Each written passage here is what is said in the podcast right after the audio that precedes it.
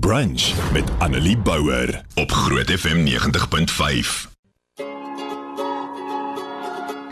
Alhoewel ek nie kan glo dat ons al hier in die jaar trek nie, is dit eh, die Woensdag voor Paasnaweek en is dit ook vir ons bietjie tyd om weer stil te word en net weer te besef waaroor Paasfees gaan, hoekom ons Paasfees. Partykeer is ons so in ons vakansies en ons lang naweke opgeraap dat ons so bietjie vergeet om net weer stil te word en te besef waaroor dit gaan. Nou ek lees vandag uit Romeine 6 vers 5 tot 6 uit wat sê aangesien ons met hom een geword het in sy dood, sal ons sekerlik ook met hom een wees in sy opstanding.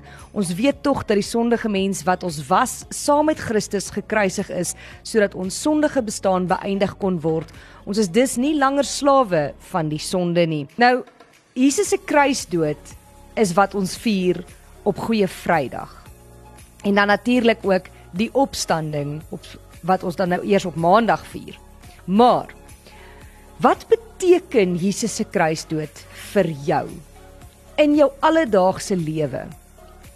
Ja, dit beteken ons ontvang vergifnis en daarom het ons ook nagmaal, want die brood en die wyn het nou heen gewys na sy kruisdood. Dit herinner ons Jesus het vir al ons sondes betaal sodat ons kan vrykom uit 'n ou sondige lewe van slawerny en heerskappy van die bose.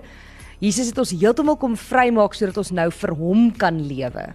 Met ander woorde, as ons ons nagmaal gebruik, dan weet ons en dan herinner dit ons net weer eens wat Jesus vir ons gedoen het. Nie net het hy gesterf nie. Wat ons soms vergeet is dat God het mens geword. Hy het 'n lewe hier op aarde kom leef vir ons. Hy het homself minder gemaak vir ons. Jesus was 'n mens wat vir meer as 30 jaar op aarde was wat as kind deur alles gegaan het waardeur kinders gaan en 'n tiener en 'n jong man wat as volwassene hier op aarde ook gehuil het, ook gelag het, ook fees gevier het, ook kwaad geword het en alles beleef wat ons elke dag beleef. En toe vir ons sondes gesterf het. Hy het ons gereinig en vir ons vrede kom gee. Hy het ons lewens op 'n nuwe pad saam met hom kom plaas, 'n pad wat ja, die ewige lewe meebring, en daarom sal ons nie weer in die oordeel kom vir ons sonde nie, maar sal ons eendag die ewige heerlikheid in die hemel binnegaan aan die einde van ons lewens. Maar dis nie al wat dit beteken nie. Die dood was nie die einde nie en dit is waaroor ons laasweek gesels het. Ons het gesê Jesus se kruisdood as ons nou terugkyk was so half die middel van die verhaal. En wat ons dalk partykeer bietjie as vanselfsprekend aanvaar is met Jesus se kruisdood kom daar soveel seën en voorregte saam. Nie net die feit dat ons skoon gewas van ons sondes nie, wat 'n groot ding is, nie net dat ons die ewige lewe kan hê nie, maar ook dat ons nou in 'n persoonlike verhouding met God kan staan sonder offergawe, sonder 'n middelman soos 'n priester, sonder om permanent te moet weet dat ons nie goed genoeg is nie. En ons is nie goed genoeg nie, want want dit is nie ons wat dit verdien nie. Jesus het aan die kruis gesterf en uit die dood uit opgestaan sodat ons nie hoef nie, selfs al verdien ons dit nie. Dit is 'n voorreg wat ons soms as vanselfsprekend aanvaar om direk met God te kan praat.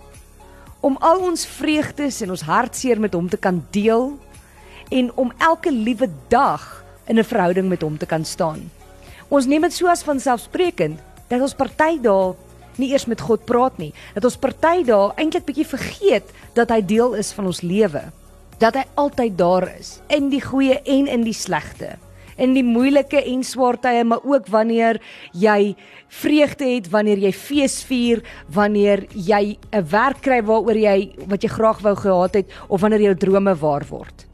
God is deel van dit alles. God is deel van jou gesin. God is deel van jou familie. God is deel van jou vriendekring. En dit is iets wat Jesus se kruisdood moontlik gemaak het.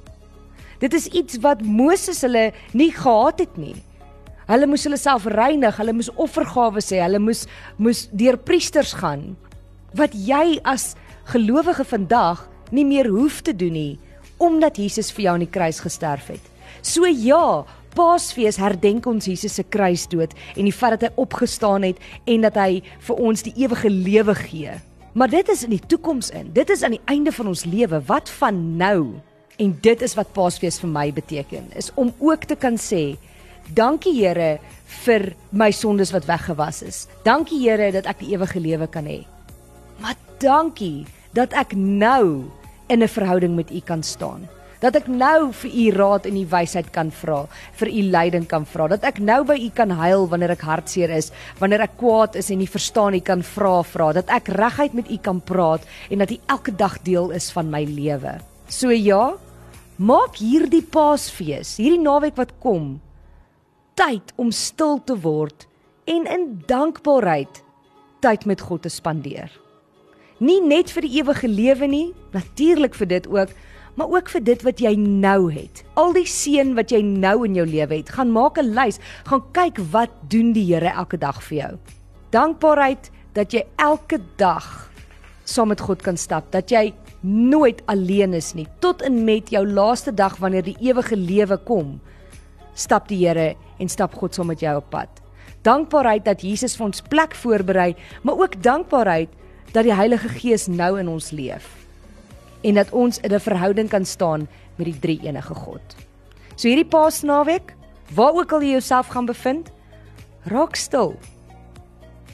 Wees dankbaar en besef wat 'n so wonderlike seën en voorreg dit is om Jesus Christus te kan ken en om 'n gelowige te wees. Annelie Bouwer, weekoggend tussen 9 en 12 op Groot FM 90.5.